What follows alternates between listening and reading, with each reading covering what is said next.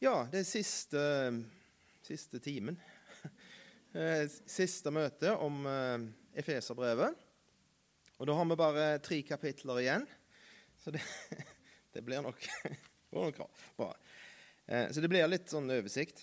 Men jeg skal bare ta oss og prøve å gjenta litt av det vi har, har sett på. For første, første møte, da prøvde vi å si litt og se litt på det som jeg tror iallfall er bakgrunnsmusikken for dette brevet her. Det som Paulus hadde i tankene, og som hele tida kommer fram, det er fortellingen om når Israel var slaver i Egypt og var drevne av vonde makter som ikke de hadde kontroll over. Og så ble de satt i frihet, ble ført ut i, i ørkenen, og så ble de ført inn i et land som Gud hadde gitt dem. Og Gud hadde, sier i, til Josva i Josva 1 at 'jeg har gitt dere dette landet'. her. Og I Efeserbrevet 1 så leser vi at Gud har velsigna oss med all åndelig velsignelse i himmelen i Kristus. Men så var det så med det landet at det måtte de faktisk Det nytta ikke å bare stå på utsida og kikke på det. For at det skulle bli deres, så måtte de gå inn. Og så var det makter inne i det landet som ville hindre at eh, Josva Og Josva, det heter Jesus på gresk, og da ser vi gjerne koblingen. At Josva, eller Jesus, skulle få makt og innflytelse i det landet. Og For at han skulle få det, så måtte de innta det. De måtte slåss, og de måtte sette foten sin på det, de måtte utforske det og gjøre det til sitt. Og så måtte de leve i det og dyrke det og pleie det, og så måtte de forsvare det, for det var noen som ville ta det fra dem igjen, det de hadde fått. Og Den historien finner vi her. og, og, og bruk, Det som jeg tror er nøkkel til å, å, forstå dette her, at det er den sammenhengen, det er ordet 'himmelen', eller 'det himmelske'. Det er to begreper som Paulus bruker i dette brevet. her. Det er oversett med stort sett med 'himmelen' i, i vår bibel, begge deler. Men det ene betyr det himmelske, og det andre andre betyr himmelen. Og, og det som står, Hvis vi bare går fort gjennom det, i Efeserbrevet 1 vers 3 så står det Lovet være Gud, vår Herre Jesu Kristi Far, Han som har velsignet oss med all åndelig velsignelse i himmelen i Kristus. Og Der står det egentlig det himmelske. Og så ser vi i 1.20 så står det om at Kristus seter er sett ved Guds høyre hånd i det himmelske, bokstavelig talt, over all makt og myndighet. Altså Samme plassen som velsignelsen er, setter Jesus på tronen. Eh, og så to vers seks så står det at eh, vi som tror, er plassert samme plassen. Og ikke bare plassert, men vi har fått sette oss ned. For det er det som betyr, det er Når det står at han har satt oss så betyr det at han har sett oss ned. Og det var det han Lars minte oss om til å begynne med. Vi må lære oss å sitte. Vi må se at vi sitter. Vi må se hva Gud har gjort allerede. Og Han har sett oss ned på sida av Han som sitter på tronen som hersker i det himmelske. Eh, og Hvis vi da ser i 3 eh, vers 10 så begynner vi å ane noe, for det står om noen makter og myndigheter i det himmelske. I himmelen står det her, sant? I det himmelske så er det noen makter og myndigheter. De skal få se et eller annet gjennom oss kristne. Og så kommer det som på en måte forvirrer oss.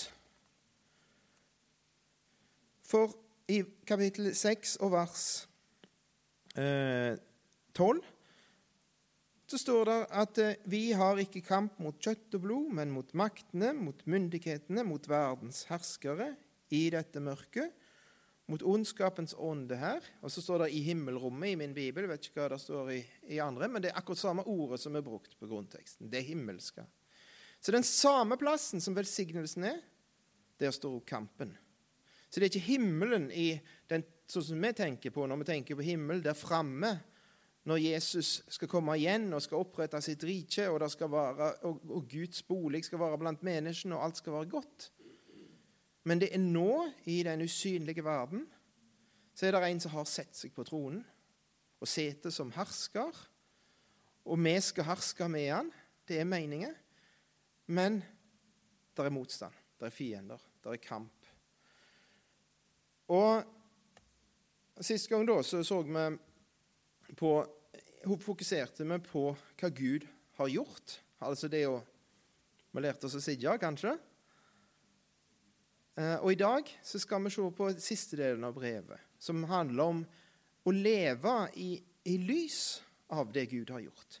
For det dette handler om til sjuende og sist, det er at det som er sant der oppe, at Jesus sitter på tronen, og at vi sitter med han, på sida av han, på tronen på en måte, det skal bli realitet her nede på jorda. Det skal bli synlig, det som er usynlig, det som vi trenger hjertets opplyste øyne for å se. Det skal bli en realitet i livet vårt. At Jesus hersker. At vi, i stedet for å være beherska av all slags krefter både inni oss og utenfor oss, så er det det nye mennesket som får lov å herske, og da skjer det noe. Og det er helt konkret. Det handler om hva vi sier, det handler om hva vi gjør, det handler om hvordan vi mannfolk lever med konene våre, hvordan konene lever med mennene sine, hvordan foreldre lever i forhold til ungene sine, hvordan ungene oppfører seg i forhold til foreldrene, hvordan en arbeidsgiver oppfører seg i forhold til arbeidstakerne sine, og arbeidstakerne oppfører seg i forhold til arbeidsgiveren sin helt, helt konkrete, dagligdagse ting det til sjuende sist handler om. Så skal det bli noe av en usynlig verden som skal bli synlig. Noe godt, noe fint, noe vakkert skal bli synlig i denne verden. Og i Efeserbrevet Hvis vi går da til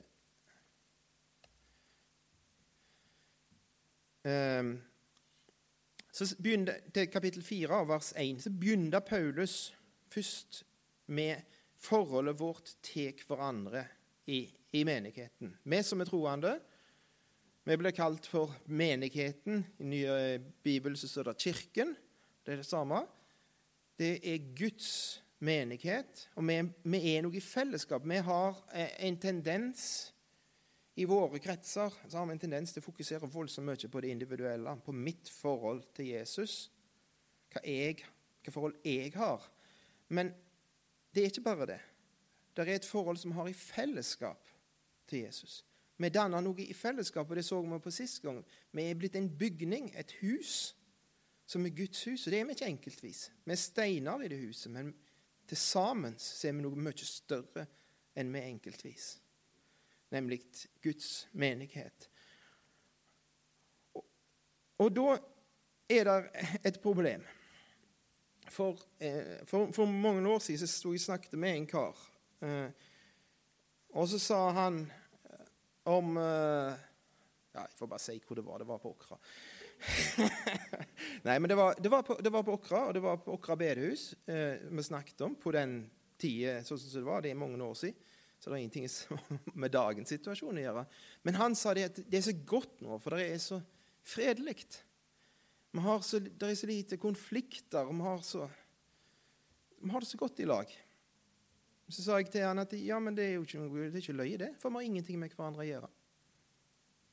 Vi sitter bare på benker og sitter og hører på samme talen, så går vi hjem, og så snakker vi ikke med hverandre. Vi, vi går ikke på besøk til hverandre mest. Vi har ingenting med hverandre å gjøre.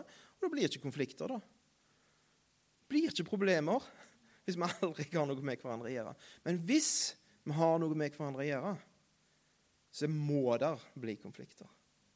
Det blir det. For vi er falne mennesker. Vi er, er ufullkomne. Og Det handler ikke om å hindre at det skjer ting som ikke skal skje i første omgang, men det handler om hva gjør vi med det. Hvordan oppfører vi oss når det skjer ting? Når det blir gnisninger, når vi blir uenige, når noen har gjort noe vondt mot noen andre eller sagt noe, hva skjer da? Fire vers 1. Jeg formaner dere altså, jeg som er en fange for Herrens skyld, at dere vandrer slik det er verdig for det kall dere er kalt med, med all ydmykhet og mildhet, med langmodighet eller tålmodighet, så dere bærer over med hverandre i kjærlighet. Det handler om å tåle og ikke fare opp og ikke kreve sin rett og ikke sørge for Ja, men hvordan, hvordan skal vi få det til?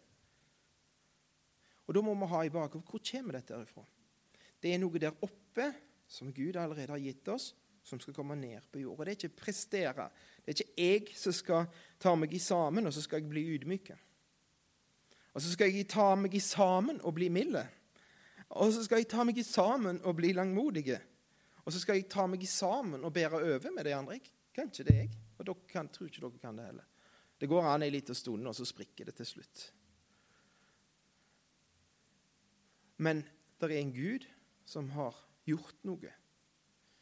Det er gjort. Gud har gjort noe. Og så skal det flyte inn i denne verden i hans kraft. Og så sier, sier han noe til oss. Så dere å legge opp vind på å bevare åndens enhet i fredens sambånd. Bevare åndens enhet. Det betyr at eh, åndens enhet er der allerede. sant? Du skal ikke skape den. Han er der. Og hva er åndens enhet? Jo, det forklarer han etterpå. Det er én Herre, én tro, én dåp, én Gud og alles Far, Han som er over alle, og gjennom alle og i alle. Én Herre, én tro, én dåp. Ja, jeg tror vi har forskjellig dåpssyn, noen av oss. Men det er jo bare én dåp. Du Kan ikke ha rett alle. Så det er noe som er sant. sant? Det er noe som Gud har sagt. Og så kan du prøve å finne ut hvem som har rett, men, men, det er noe som er felles. Og til sjuende sist så er det noe av dette her som ligger i bånn mest uansett hva syn vi har òg. Selv om vi er uenige om dåp, så er det én Herre. Det er ei tru. For vi tror på Jesus Kristus som Messias. Og hvis vi ikke tror på Jesus Kristus, Jesus Messias, Jesus Guds sønn, så er vi ikke kristne. Men alle som er kristne, tror på Jesus som Herre, og de tror på én Gud, som er alle sin far. Og det er grunnlaget. Det er felles for oss alle. Og så kommer det litt seinere så kommer det litt om ja, men det ser jo ikke så ut i praksis. Men dette er felles, og så kommer det noe om ulikhet. Det står 8 til 12 her, men det, det er 7 til ifra vers 7. Men til hver enkelt av oss ble nåden gitt etter det mål som Kristi gave tilmåles med. Så det, det er noe som er felles, og så er det noe som er forskjellig. Så Gud har meint at det skal være forskjellig. Han har gitt oss hver sine ting. Derfor sier Skriften han for opp i det høye og bortførte fanger. Han ga menneskene gaver.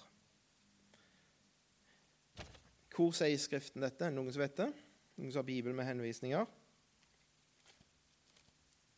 For dette er en merkelig ting, altså. Eh, Salme 68 og vers 19 står der som henvisning i min bibel. Og der står det Du for opp i det høye, bortførte fanger, tok gaver blant menneskenes barn. Blant menneskene også blant de gjenstridige, for å bo der, Herre Gud. Noen som la merke til forskjellen? Hva sto der i Efeserbrevet? Han gav. Her, I Salme 68 sto det han tok. Og hadde Paulus hadde en dårlig dag, huska dårlig, tok det etter, fritt etter hukommelsen, og så ble det feil. Men hvis du tar gaver Jeg står ikke 'tok fanger', tok gaver. Hva skal du med gaver, da? Hvis det står at han kjøpte gaver, hva skal du med gaver? Du skal gi dem til noen. Og det var det Jesus gjorde. Når han bødde seg ned, som det står her i Efeserbrevet Hva er dette han for opp? Var det uten at han først steg ned til jordens lavere deler? og Det kan være dødsriket, men det kan òg være det som står om, han, om i Salme 139, er det vel? Du formet meg så kunstferdig i jordens dyp, i mors liv. Han steg ned og blei et menneske. Han kom ned her på jorda, til de lågeste delene, til det mest sårbare. Han ble født inn i en fattig familie og vokste opp her på denne jorda og prøvde på kroppen hva det var, med, hva det var å være et menneske. Han som var opphøya over alle ting, han som var skaperen, han som hadde lagd alt, han ble et menneske. Og så når han for opp igjen, så bortførte han noen fanger. Han tok noen. Han fanga en Paulus på vei til Damaskus. Så møtte han han, og så så Paulus et lys, og han så noe som han aldri hadde sett før. Og så ble livet til Paulus snudd opp ned. Hva gjorde Jesus med Paulus når han hadde tatt han? Jo, eh, Feserbrevet 4, vers 11. Han er det som ga noen til apostler, noen til profeter, og noen til evangelister, og noen til hyrder og lærere. Så tok, nei, Gud tok en Paulus, Jesus tok en Paulus, og så gav han han til menigheten som apostel. Og Dette er noe som jeg tror dette er viktig. Eh, det er fire forskjellige ting her som står. Eh, apostler, profeter, evangelister, og så står det hyrder og lærere. Det er én ting. Hyrder og lærere. Det er de fi Apostler, profeter, evangelister, hyrder og lærere. Det er feil på powerpointen. Bare glem det som står der. altså, apostler og profeter, hva er det for noe? Det er folk i dag som kaller seg for sjøl for apostler. Og for, altså, Jeg har aldri hørt om noen av dem som ikke er noe som du bør stikke av og være skuggeredd for. For det er et tegn på at her er det noe alvorlig gale. Når noen kaller seg sjøl for en apostel. Ja, jeg vet det er noen som bruker apostel som begrep for misjonærer, som synonyme misjonerer. Så blir det av og til brukt i Bibelen òg. Men de som kaller seg sjøl for apostler, de er ofte maktmennesker. Mennesker som vil sette seg sjøl i sentrum. Men i i, vi leste i forrige, forrige, gang så leste vi kapittel 2. Og i vers eh, 20 så står det om en bygning Vi snakket om Guds hus. Sant? En bygning bygd opp på apostlenes og profetenes grunnvoll og hjørnesteinen av Jesus Kristus selv. Hvor mange ganger bygde dere grunnmuren her når dere bygde det nye huset? Én gang, sant? Og så bygde dere oppå den grunnmuren etterpå. Og det er Guds hus som ble begynt å bygges på pinsedag. Grunnmuren har ligget der lenge. Han har vært ferdig lenge, den. Apostlenes og profetenes grunnvoll det har vi her i denne boka her i Det nye testamentet. Har vi grunnmuren, og grunnmuren den bestemmer jo hvordan huset skal se ut. Sant? Du kan ikke bygge ut forbi.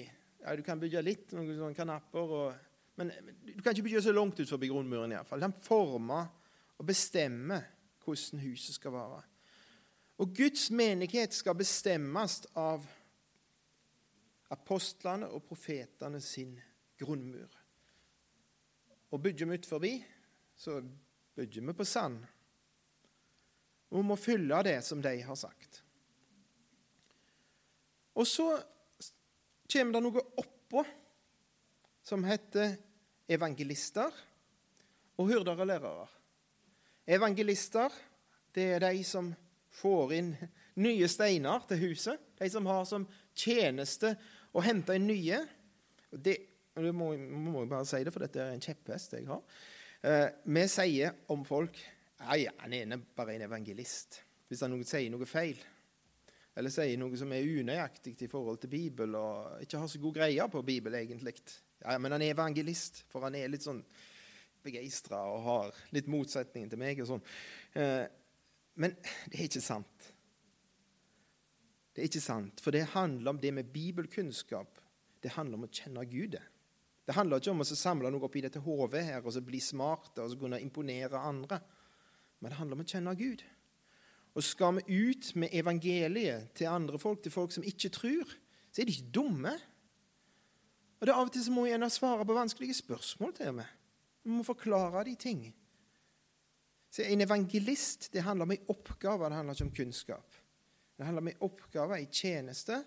Noen har Gud gitt til menigheten som sånne som vinner andre. Og det er noen som har den gava. På en helt annen måte enn oss andre. Noen som er så flinke å snakke med andre folk om Jesus der ute. Det er oppgaver. Og noen skal stå og preike og forkynne, og noen gjør det på gata rundt omkring i verden, og det gjør vi ikke så mye her, men, og noen snakker med folk på tomannshånd, men de er evangelister. Og så står det om hyrder og lærere. Det er de som tar seg av de som er kommet inn. En hyrde, en gjeter, han sørger for at eh, sauene har mat. Han sørger for at eh, ulvene ikke får rive sunt sauene. Han går på besøk. Han forkynner, han underviser hyrder og lærere. Han sørger for at det er en mur rundt som passer sånn at de er trygge, sauene. Han står på vakt. er dette her ekstra utstyr? I, i Titus brev Eh, så står det i eh, I vers 5, Titus 1 vers 5 Jeg lot deg bli igjen på Kreta for at du skulle ordne det som ennå sto igjen, og innsette eldste i hver by, slik jeg pådrar deg. Ordne det som sto igjen. Og Av og til så står det jo noe igjen når, når vi bygger et hus. Sant? Det, står, det mangler en ei list en eller annen plass, og den mangler en i mange mange år. For jeg er bak et eller annet, og ingen som ser det, eller oppe på loftet. Eller, sant? Det mangler noe. Er det det det er snakk om her? Noe som er, er kjekt å ha i denne bygningen? Noe som mangler? Jeg lot deg være igjen for at du skulle fikse det som sto igjen. Altså, Det som er tydelig, det er at en menighet mangler noe. Når mangler hyrder og lærere. Det er noe som mangler. Hvor viktig er det som mangler? Er det pynten, listene, eller er det reisverket? Er det det bærebjelkene? Er det det som sørger for at huset blir stående òg når det er en, en storm som kommer? Og Da kan vi lese videre i Efeserbrevet 4. Han er den som ga noen til apostler, noen til profeter, noen til evangelister, noen til hyrder og lærere, for at de hellige kunne bli gjort i stand til tjenestegjerning. Altså for at alle andre skulle bli i stand til å tjene, til å gjøre det som var deres oppgave, så har Gud gitt noen til menigheten med noen oppgaver. Noen spesielle oppgaver, noen spesielle gaver. Noen han har tatt til fange, og så har han gitt dem til menigheten for at de alle skulle bli gjort i stand til tjenestegjerning. Til oppbyggelse av Kristi legeme, inntil vi alle når fram til enhet i tro på Guds sønn og i kjennskap til ham. For det er jo disse problemet. Ja, det er én tro, ett et håp, én Gud, én Herre. Men vi forstår det forskjellig, og vi forstår det feil av og til. Og så er det noen som har som oppgave å sørge for at forståelsen blir felles, og at vi når fram til enhet i tro på Guds sønn og i kjennskap til ham, til manns modenhet. At vi ikke lenger er unger, men blir modne, voksne folk, åndelig sett. Til aldersmålet for Kristi fylde. At vi kommer dit vi skulle være for at vi ikke lenger skal være småbarn og la oss kaste og drive om, drive omkring av hver lærdomsvind, ved menneskers spill, ved kløkt i villfarelsens listige knep. Altså, Det er vinder der ute, det er stormer, det er folk som er ute etter å øyelegge. Det er lærer som kommer inn i menigheten. De kommer ikke herifra, de kommer gjerne fra Internett eller fra andre plasser. Og så kommer de inn, og så sprer de seg, og så øyelegger de. Noen må passe på. Sannheten, tro i kjærlighet skal vi i alle måter vokse opp til Han som er hodet, Kristus. Ved ham blir hele legemet sammenføyd og holdt sammen med hvert støttende bånd, alt etter den virksomhet som er tilmålt hver enkelt del, og slik vokser det sin vekst som legeme i sin oppbyggelse i kjærlighet. Da er det en, et, en kropp sant? med all slags deler som fungerer i sammen, og så blir det noe kjempeflott i fellesskap. Så, blir, så viser Gud noe av det som er i den usynlige verden, i denne verden, med hjelp av disse her spesielle gavene. Da blir det enhet mer og mer. Og Det er snakk om en prosess, og det er snakk om noe som aldri blir ferdig. Men nå får dere tenke på resten av det sjøl. Skal ikke jeg si mer. Men i, i vers, ifra vers 17 da, i kapittel 4 så, så er det snakk om hvordan vi går etter vi har sett oss ned. Vi, det står 'vandre ikke lenger' slik som hedningene vandrer. Altså Det handler om hvordan vi beveger oss her i verden, hvordan vi oppfører oss. Og så står det noe om de som ikke kjenner Jesus. For her de er fremmede for livet i Gud, uvitende når det gjelder det som har med Gud å gjøre, for at hjertet deres er blitt hardt, og de følelsesløse har gitt seg over til tøylesløshet, vers 19, så de lever i all slags urenhet og griskhet. Alt dette her er ting som ikke skal prege oss som troende. Men dere har ikke lært Kristus slik å kjenne, så sant dere har hørt om ham og er blitt opplært i ham, slik sannhet er i Jesus. Når det gjelder deres tidligere ferd, så må dere avlegge det gamle mennesket, som er fordervet ved de forførende lyster, men bli fornyet i deres ånd og sinn. Og sinn betyr tanke, måten du tenker på, og ikle dere det nye mennesket som er skapt etter Gud i den rettferdighet og hellighet som er av sannheten. Legg derfor av løgnen og tal sannhet hver med sin neste, for vi er jo hverandres lemmer. Hva er dette? her? Jo, det er noe Ta på det som Gud har gjort. Ta på det som Gud har lagd. Lev i det som Gud allerede har gjort. Og så er spørsmålet, og nå må vi hoppe av litt Hvordan skjer dette? her? Hvordan er det sånn at det er vi som har alle disse tingene i oss fremdeles Vi har talent for å være stygge med hverandre. Vi har talent for pengegriskhet. Vi har talent for å, som det står i kapittel 5 i begynnelsen, så står det om, om hva vi snakker om. Vi har talent for å snakke, snakke drit, rett og slett. Og Si, styg, si, si ekle, stygge, fæle ting. Ting som er på kanten, sier vi sier på fint, men som regel er de over kanten når de er på kanten. Vi har talent for alt dette her med.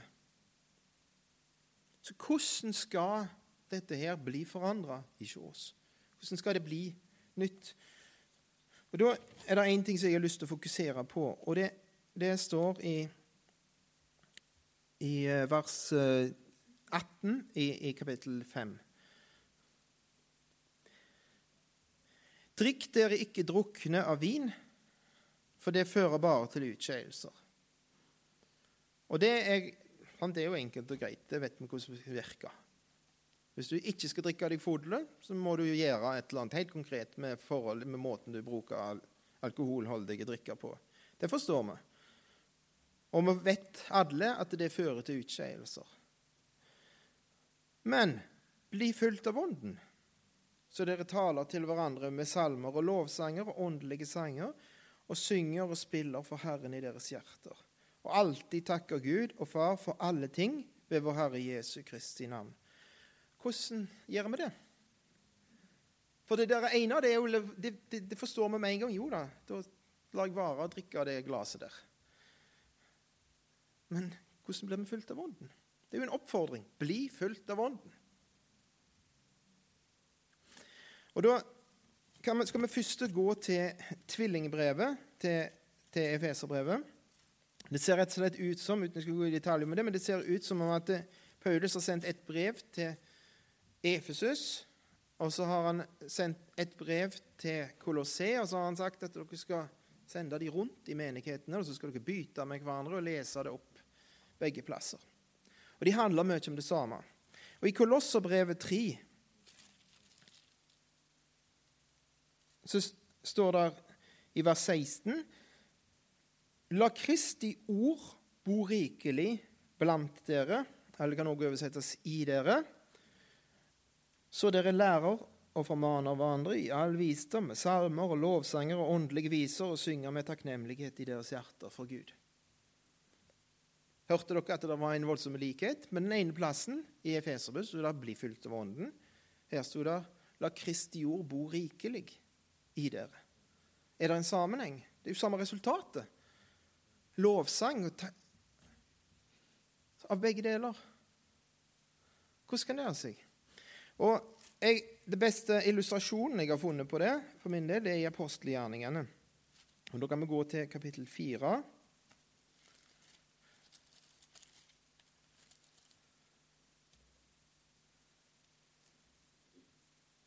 Og så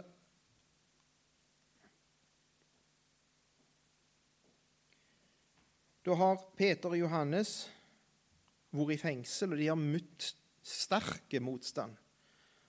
Og de er i ferd med å miste motet for at fiendene er så sterke. Så, så samler de seg, og så ber de. Og i vers 24 i apostelgjerningene 4 så står det at de lufta samstemmig sin røst til Gud og sa:" Herre, du som har gjort himmelen og jorden og havet og alt som er i dem. Du har talt ved Den hellige ånd ved din tjener Davids munn og sagt:" Hvorfor fnyste hedningene som få, og hvorfor grunnet folkene på det som fåfengt er? Jordens konger steg fram, høvdingene slo seg sammen mot Herren og mot Hans salvede. Ja, i sannhet, i denne by samlet de seg mot din hellige tjener Jesus, som du salvet, både Herodes og Pontius Pilatus, sammen med hedningene og Israels folk, for å gjøre det som din hånd og ditt råd forut hadde besluttet skulle skje. Og nå, Herre, hold øye med deres trusler og gi dine tjenere tale ditt ord med all frimodighet idet du rekker din hånd ut, så helbredelse og tegn og under skjer ved din hellige tjener Jesu navn. Og da de hadde bedt, skalv stedet der de var samlet, og de ble alle fylt med Den hellige ånd, og de talte Guds ord med frimodighet. Først så ber de en bønn der de siterer et langt avsnitt ifra Guds ord fra Det gamle testamentet. Og så skjer det noe med dem. De blir fulgt av Den hellige ånd, og så har de plutselig mot. Hva er det som skjer? Jo, den bønne, det er de, det ordet som de hadde sitert, om at eh, Gud sitter på tronen, og så ler han åt disse fiendene her. De gir ingenting for han. Det blir realitet for dem. Det blir virkelighet. På den måten at så det fører til at de faktisk Ja, OK, de er mafianer, men vi går ut likevel. Vi står på likevel. Og det er det det handler om. Bli fulgt av Ånden handler om at Ånden får ta det som er der oppe, og så gjøre det til realitet her inne. Og så blir livet vårt annerledes. Det påvirker måten vi lever på. Det er å bli fulgt av Ånden. Og da er, er det en forutsetning. Det er at Ånden trenger materiale, den. Han trenger noe som heter Guds ord, Kristi ord. Ord om Jesus.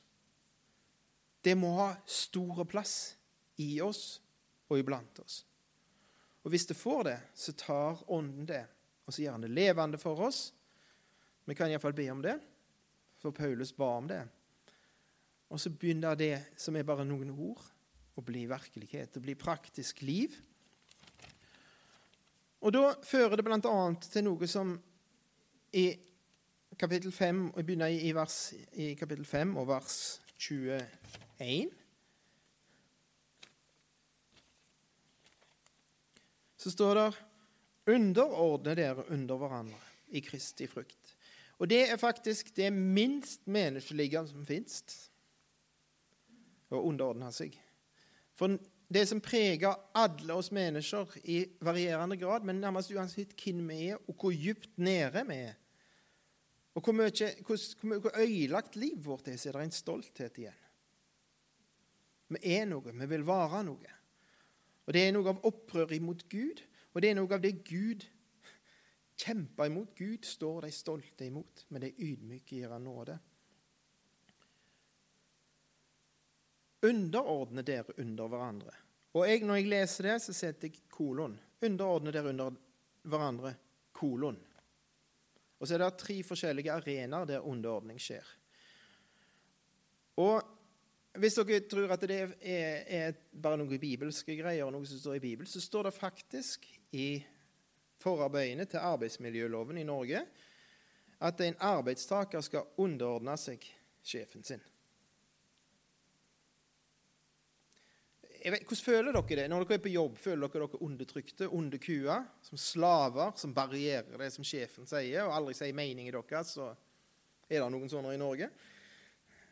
De fleste i Norge de sier meningen sin, sant? Og, de, de, du, du kan, og du syns ikke sjefen er helt perfekte, og du sier ifra gjerne, og alt mulig sånt. Men alle vet det at i et firma så er det noen som må bestemme. Det er noen som må ta ansvaret og ta beslutningene til sjuende sist. Og for at det skal fungere, for at det skal være ei bedrift som fungerer godt, så må det være noen som underordner seg. Det betyr å la frivillig la noen andre få bestemme. Det betyr ikke onde kua. Og i, så er det tre områder der dette blir framstilt. I ekteskapet, i familien og på jobb. Og dette er ikke i henhold til det som er vanlig å, å mene i, i Norge i dag. Men det står dere hustruer i vers 22, underordne dere under deres egne menn, som under Herren. For mannen er kvinnens hode, liksom også Kristus er menighetens hode, han som er sitt legemes frelser. Men like som menigheten under seg under underordner seg under Kristus, så skal også hustruene underordne seg under sine menn i alle ting. Dere menn, elsk deres hustruer, like som også Kristus elsket menigheten og ga seg selv for den for å hellige den ved å rense den i vannbadet i ordet, slik at han kunne stille menigheten fram for seg i herlighet, uten flekk eller rynke eller noe slikt, men at den kunne være hellig og ulastelig. Slik skylder også mennene å elske sine hustruer som sine egne legemer. Den som elsker sin hustru, elsker seg selv. Ingen har noen gang hatet sitt eget kjøtt, men han nærer og varmer det slik også Kristus gjør med menigheten. For vi er lemmer på hans legeme. Derfor skal mannen forlate sin far og sin mor og holde seg til sin hustru, og de to skal være ett kjød. Dette mysteriet, denne hemmeligheten, er stor. Jeg taler her om Kristus og menigheten. Men også hver enkelt av dere skal elske sin hustru som seg selv, og hustruen skal ha ærefrykt for sin mann. Hva er det dette handler om? Handler det om mindreverdighet? At mannfolk er bestemt til å være toppen, og så skal damene være bare støttepersonalet, på en måte, som uh, ikke har så store roller. Er det det det handler om? Når han siterer ifra Det gamle testamentet, her, så siterer han ifra når Gud skapte mennesket i sitt bilde, så gjorde han dem til mann og kone. For at Gud skulle vise fram sitt bilde i verden, så skapte han mannfolk og kvinnfolk. Og de i fellesskap så skal vi være et uttrykk for hvordan Gud er. Og hva er ekteskapet her? Jo, det er et uttrykk for noe som er sant om Kristus og menigheten. Og så er det forskjellige roller i det rollespillet. Og det er ikke for at det, det er forskjell. I Kristus er det verken mann eller kone. Og ikke er det slave eller fri heller, sier Paulus. Det har ikke noe med hva vi er, og hva stilling vi har, men det har med hvilken rolle vi har i et guddommelig rollespill. For å vise fram noe vakkert ifra en annen verden her på jorda. Og hvis vi mannfolk i Guds kraft klarer å elske konene våre, så syns jeg Jesus elsker menigheten og gav seg sjøl for han. Å nære og varme så blir det ene lettere enn den andre rolla òg. Blir det ikke det? Men begge må gjøre sitt. Dere kvinner, dere hustruer, dere menn. Og Så får vi lese det som er til oss. Og så får vi be Gud om disse hjertets opplyste øyne, så vi ser at dette er noe fint. For det blir framstilt som noe stygt. Men det er noe fint. Og det er noe av en annen verden. Og når vi opplever det, så er det noe av en annen verden. Og så er det det, det samme i forholdet mellom unger og foreldre. Dere barn, vær lydige mot deres foreldre i Herren, for det er rett. Og så siterer han det budet som sier 'hedre din far og din mor', for det må gå deg godt, og du må leve lenge i landet. Det blir godt å leve for en unge som er lydig mot foreldrene sine, og det blir ikke noe godt liv som regel hvis det er ulydighet som preger. Og så står det noe til dere fedre. Det er noe spesielt til oss mannfolk som har evnen til dette her. Vekk ikke sinnet hos deres barn. Nå skal du lye! Nå skal du gi deg! Og så kjører vi sånne maktkamper. Jeg har aldri gjort det, men, jeg har hørt folk sier det. Nei da. Dere fedre, vekk ikke sinnet hos deres barn, men oppdra dem med Herrens tukt og formaning. Oppdra de, ler de opp. Form de, hjelp de å modnes. Så blir det et godt forhold mellom unger og foreldre. Hvor kommer de fra? Fra den himmelske verden. Hva er det som gjør det mulig for oss? Ånden i oss gjør dette mulig. Ikke at vi tar oss sammen. Ånden i oss. Og så står det dere tjenere, egentlig så står det dere slaver. Og vi har ikke slaver, heldigvis, i Norge i dag. Å være lydige mot deres jordiske herrer. Men vi har arbeidsgivere og arbeidstakere. Vi har et underordningsforhold, og vi kan overføre det. Vær lydige mot deres jordiske herrer med respekt og aktelse av et oppriktig hjerte. Det betyr òg å ikke snakke drit om sjefen når at sjefen gjør dumme ting eller oppfører seg dårlig. Og det er ikke lett, og det vet jeg. Det er ikke lett å styre tunga si. Men det er noe godt. Det er noe godt som kommer inn på en arbeidsplass. Hvis vi som troende klarer å leve sånn som det, i Guds kraft. Og så står det Vær ikke øyentjenere som bare vil gjøre mennesker til laks, sånn som gjør jobben sin når noen ser på. Og noen ikke ser på, så er det på nettet og surfer rundt og gjør alt mulig men som Kristi tjenere, så er dere gjør Guds vilje av hjertet. Lydig som mot Kristus selv. Hvem er disse arbeidsgiveren vår, egentlig? Hvem er sjefen vår? Er det den dårlige sjefen, som sikkert alle en eller annen gang har opplevd? Eller at sjefen har hatt en dårlig dag? Har iallfall alle opplevd. Er det den? Så er det han som er sjefen vår, eller hun? Nei, det er Kristus som er sjefen vår. Det er han som er arbeidsgiveren. Det er han vi går på jobb for. Og han er en god sjef. Han er den beste som det går an å ha. Så dere gjør Guds vilje av hjertet. Gjør deres tjeneste med et villig sinn, som for Herren og ikke for mennesker. Og det hjelper det i praksis. Det, har, det er noe av det jeg har prøvd. Selv om jeg har svikta på dette området, så har jeg kjent på det av og til. Ja, Men det er ikke han som er sjefen min. Det er Gud som er sjefen min. Og så så ble det godt likevel. For dere vet at det gode som enhver gjør, det skal han få igjen av Herren, enten han har trell eller fri. Og så står det noe til sjefene. Gjør likedan mot dem, så dere lar være å bruke trusler. Dere vet jo at både de og dere selv har den samme Herre i himmelen, og han gjør ikke forskjell på folk. Så selv om det er forskjell på arbeidsplassen, og det er forskjell i roller i ekteskapet. Det er forskjell på foreldre og unger. I Kristus så er vi på like fot uansett. Og Det er et av de største undrene som Gud har gjort. At han har klart å forene jøder og hedninger. Det er et stort skille har han forent i samme forsamling, samme menighet. Slaver og herrer. På den tida kunne du oppleve at slaven sto og underviste. Slaven var eldste i menigheten. Mens Herren satt og hørte på. Tenk å kunne gjøre noe sånt. Det er det Jesus gjør.